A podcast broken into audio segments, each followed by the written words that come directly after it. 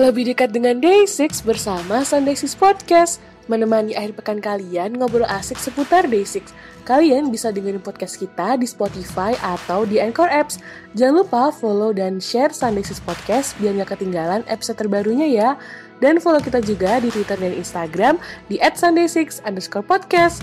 My day, let's get it!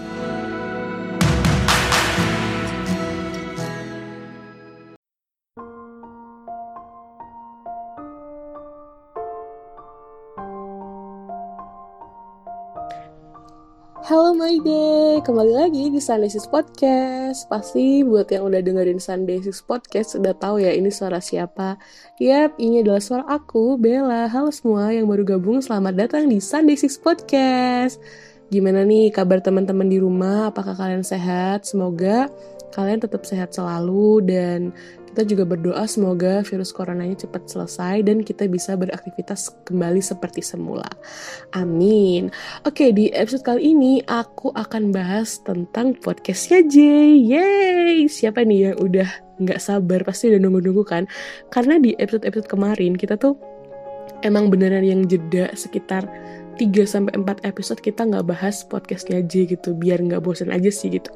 Nah kali ini aku akan membahas podcastnya J yang tentang pentingnya cuci tangan sama apa sih manfaat jadi orang yang bisa berbagai macam bahasa. Yang pertama kita bahas tentang pentingnya cuci tangan dulu.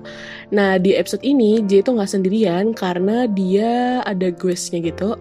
Pasti kalian yang udah lihat cuplikannya di YouTube atau di Instagram uh, udah lihat ya siapa gue starnya, yaitu Alexa. Jadi Alexa ini adalah salah satu solois yang baru aja debut di tahun 2020. Jadi ini masih baru. Aku pribadi juga baru tahu Alexa ini karena podcastnya J gitu. Jadi sebenarnya siapa sih Alexa? Alexa itu adalah temen J. Jadi mereka tuh kayak sama-sama satu circle pertemanan English speaker gitu. Oke, okay, di episode ini aku akan membahas tentang poin-poinnya J aja. Jadi jadi biar nggak terlalu panjang gitu ya. Kenapa sih kita harus cuci tangan? Dan betapa pentingnya cuci tangan itu kayak gimana sih gitu kan?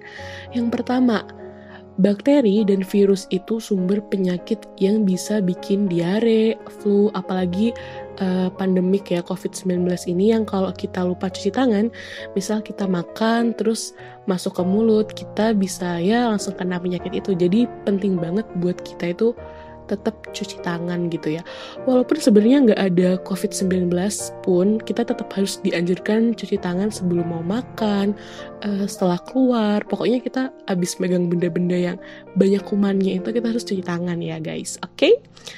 Nah, yang kedua, bakteri dan virus itu sekalinya bisa bener-bener nempel di tangan itu setelah kita pegang macam-macam apalagi kalau kita habis dari toilet terus dari keluar rumah yang tadi aku bilang terus habis masak daging mentah yang katanya di dalam daging mentah itu banyak banget kotoran hewan yang nempel di dagingnya dan kita nggak bisa lihat itu. Jadi kita ya habis megang daging atau masak-masak gitu kita harus cuci tangan gitu ya.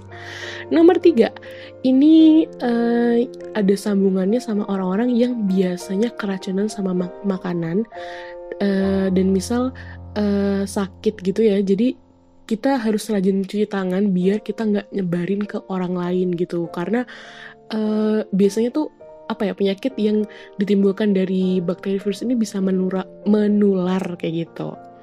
Yang keempat, uh, karena adanya pandemik virus corona ini, uh, kita kayak harus lebih sering cuci tangan itu karena mungkin sebelumnya kita cuci tangan cuman habis mandi atau habis pulang sekolah aja, pulang kuliah, pulang kerja gitu. Tapi karena adanya COVID-19 ini kita harus dianjurkan untuk cuci tangan kayak setiap apa ya, setiap ada kesempatan untuk cuci tangan dan itu wajib banget hukumnya buat uh, cuci tangan gitu. Kayaknya sih semua orang udah harusnya tahu dan paham ya tentang ini gitu. Yang kelima, pentingnya cuci tangan ada fakta yang mengatakan kalau misalnya cuci tangan itu harus uh, apa ya harus harus bersih dan bisa ngurangin 23, 23 sampai 40% kemungkinan penyakit yang ada. Jadi kenapa kita harus cuci tangan? Karena dengan cuci tangan yang benar itu kita bisa mengurangi resiko penyakit. Jadi misal uh, ada apa ya penyakit COVID-19 ini kalau misalnya kita mencegah dengan cuci tangan setidaknya kita bisa mencegah uh, resiko untuk terkena tuh lebih lebih sedikit kayak gitu.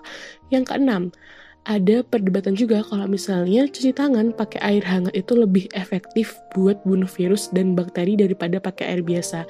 Uh, aku nggak tahu ya ini maksudnya valid atau enggak, tapi yang jelas J ngomong ini di podcastnya. Tapi buat referensi mungkin kalian bisa search di Google tentang mungkin uh, penelitian ilmiahnya atau gimana, aku juga tidak terlalu apa ya paham dan mengerti itu benar atau enggaknya kayak gitu. Oke. Okay? Yang ketujuh, J mikir uh, yang penting pakai sabun pasti udah efektif buat bersihin bakteri dan virus. Jadi menurut J kita kalau cuci tangan tuh jangan cuman uh, apa namanya kayak pakai air doang, tapi harus uh, sama sabun kayak gitu. Yang kedelapan, kita cuci tangan harus pakai air yang mengalir dan uh, pakai pakai sabun dan itu harus yang bersih selama 20 detik ya minimal sambil nyanyi lagu Happy Birthday. Terus kalau kalian bingung kalian bisa nyanyi lagunya Day6 ya. Biasanya tuh aku kalau bisa cuci tangan lagunya itu pakai lagunya Shoot Me yang karena suak bang bang no ya pun itu lagu itu kayak sambil nyanyi terus jadi kebablasan guys. Kayak apa ya karena keenakan nyanyinya gitu. Yang kesembilan, poin pentingnya ada cuci tangan yaitu buat diri sendiri. Jadi uh, sebenarnya apa ya cuci tangan ini selain buat keselamatan orang lain, jadi buat keselamatan diri sendiri eh atau sebaliknya ya, ya jadi keselamatan diri sendiri dan keselamatan orang lain. Jadi dengan kita cuci tangan kita tuh melindungi diri kita dan melindungi orang lain. Kenapa sih kok bisa gitu ya? Karena kalau kita cuci tangan kan otomatis tangan kita bersih terus kita juga nggak menularkan virus dan bakteri itu ke orang lain. Kayak gitu. Hmm, kurang lebih itu apa ya poin-poin di podcastnya aja tentang pentingnya cuci tangan. Oke, selanjutnya setelah bahas podcast uh, pasti di podcastnya aja itu ada yang namanya sesi Q&A gitu. Ini ada pertanyaan apakah kamu percaya sama keberuntungan? Lebih ke kamu yang buat keberuntungan itu terjadi atau karena itu takdir ajaib gitu gimana sih gitu? Jawabannya J menjadi orang yang beruntung itu ya tergantung konsep kamu nganggap keberuntungan itu kayak gimana Awalnya, J juga mikir kalau keberuntungan ada kalau kamu bahagia. Tapi setelah dia di day 6 dan ngerti kalau One Pill seberuntung itu orangnya, dia baru percaya kalau luck itu eksis gitu. Jadi keberuntungan itu ada gitu. Kayaknya J ini tipe orang-orang yang kalau nggak lihat secara langsung dia nggak percaya gitu deh kayaknya. Jadi J cerita One Pill pernah menang terus. Oh, jadi Pill per, uh, selalu menang terus kalau main game. Terus kalau misal dia nggak terlalu pengen buat menang, itu keberuntungan itu kayak bisa disimpan gitu loh. Jadi kayak dipakai buat nanti. Ini lucu banget ya Pill. Sumpah aku juga baru tahu. lucu banget. Ini bener-bener banget sih kayak uh, setelah mendalami apa ya uh, beberapa video DX6. Jadi aku juga sempat kemarin nonton video DX6 tuh kayak ya One Pill tuh emang sering ini menang gitu. Uh, contohnya juga di waktu V Live Day 6 tuh kayak ada game uh, game kalau yang kalah kan harus ada yang dihukum gitu kan. Nah, hukumannya tuh ambil kertas gitu terus dibacain. Terus waktu Wampil yang ambil dan dapat kertas itu isinya pokoknya nggak dapat hukuman dan itu kayak selaki itu gitu. Jadi gara-gara itu ya J percaya kalau misalnya uh, keberuntungan itu ada gitu. Uh, untuk podcastnya Jeng cuci tangan cukup sampai di situ dulu. Sebelum kita next, uh, kita dengan lagu dulu. Lagu terbarunya J yaitu 50 Proof. Yay! You still wake to sunsets? Eat home alone Watching the moon rise asking on and on What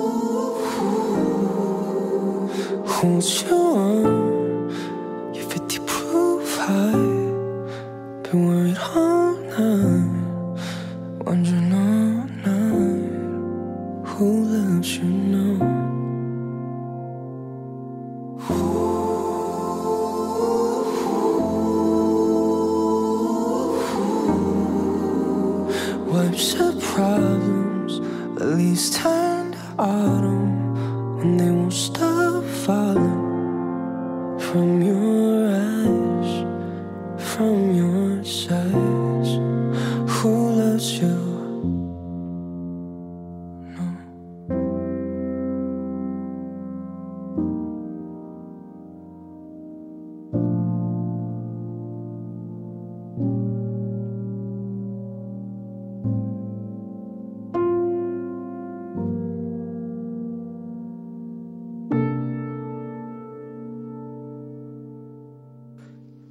Oke guys, gimana nih lagunya 50 Proof? Waduh ini nih lagunya enak banget sih sampai aku sendiri nangis ya gara-gara denger lagu ini dan nonton music videonya.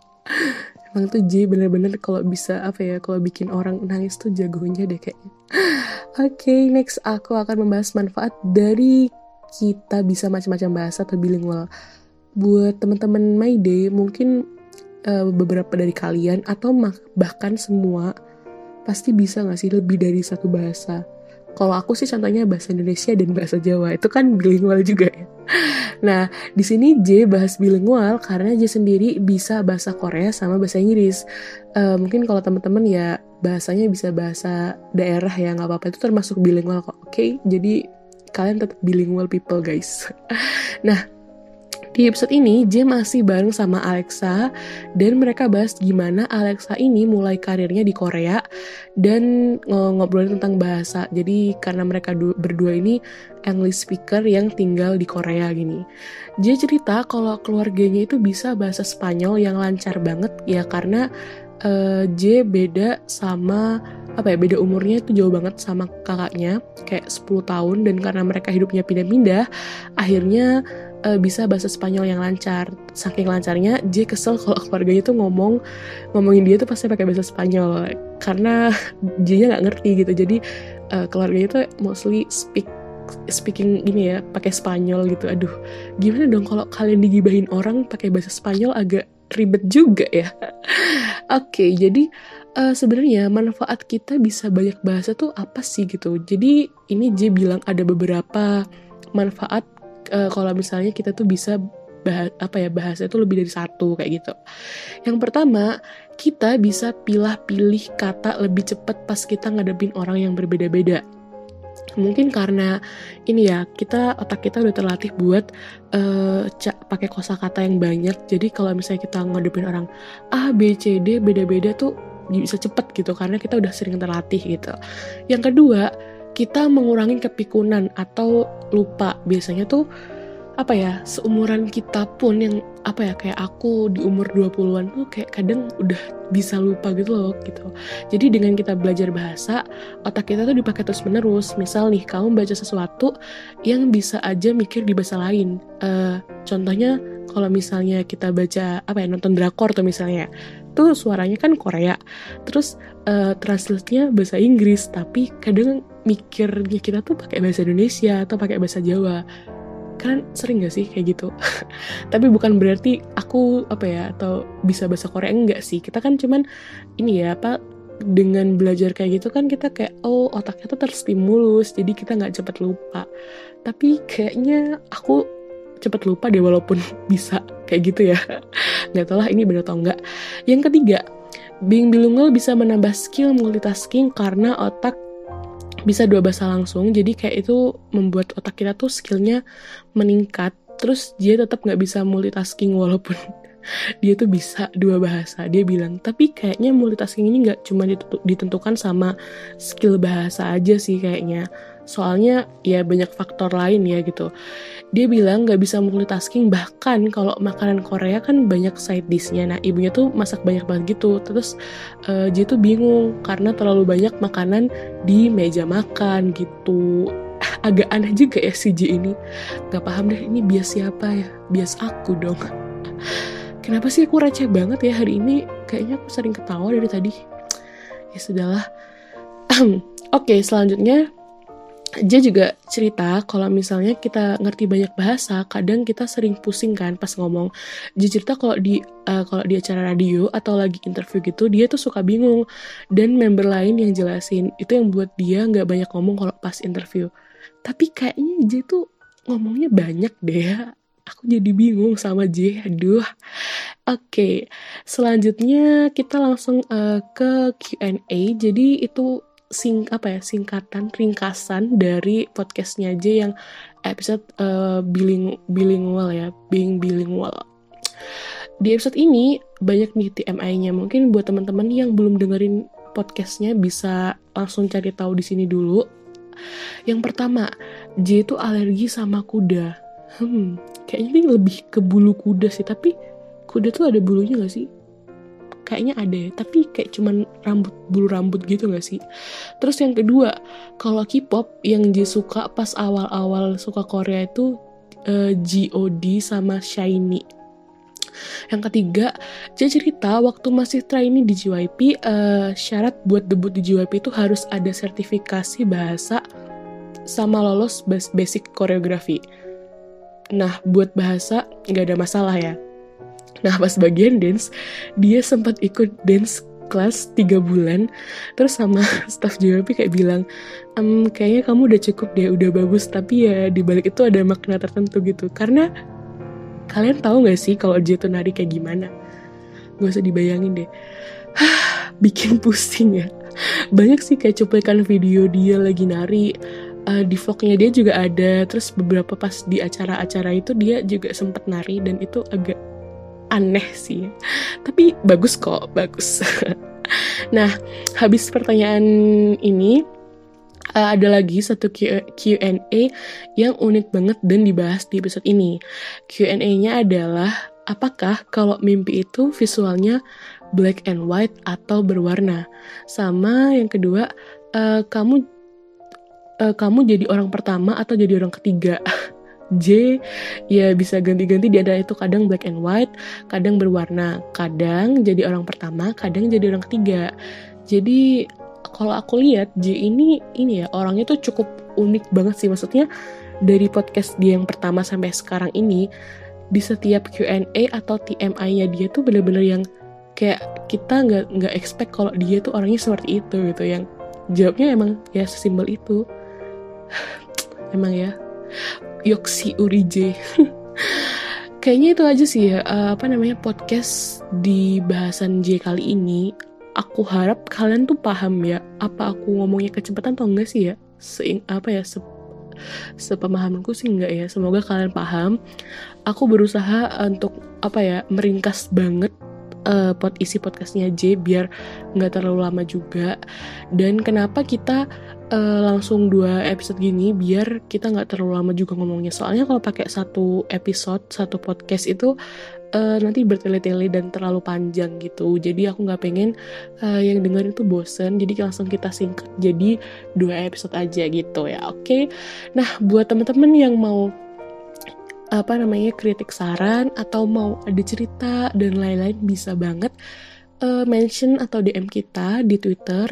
Dan kita juga punya Instagram uh, sama username-nya at sunday6 underscore podcast. Jadi make sure kalian follow dua-duanya. Jangan lupa follow Spotify kita juga karena kita akan buat kejutan-kejutan yang lebih wow banget oke? Okay? mungkin itu aja ya dari aku. Makasih udah dengerin Sunday Podcast makasih udah support kita uh, sampai hari ini. Kayak aku bangga banget sama My Day. Terima kasih ya My Day. Terima kasih. Uh, stay healthy semua stay safe. Semoga kita bisa kembali lagi beraktivitas seperti semula. Annyeong My Day. Bye bye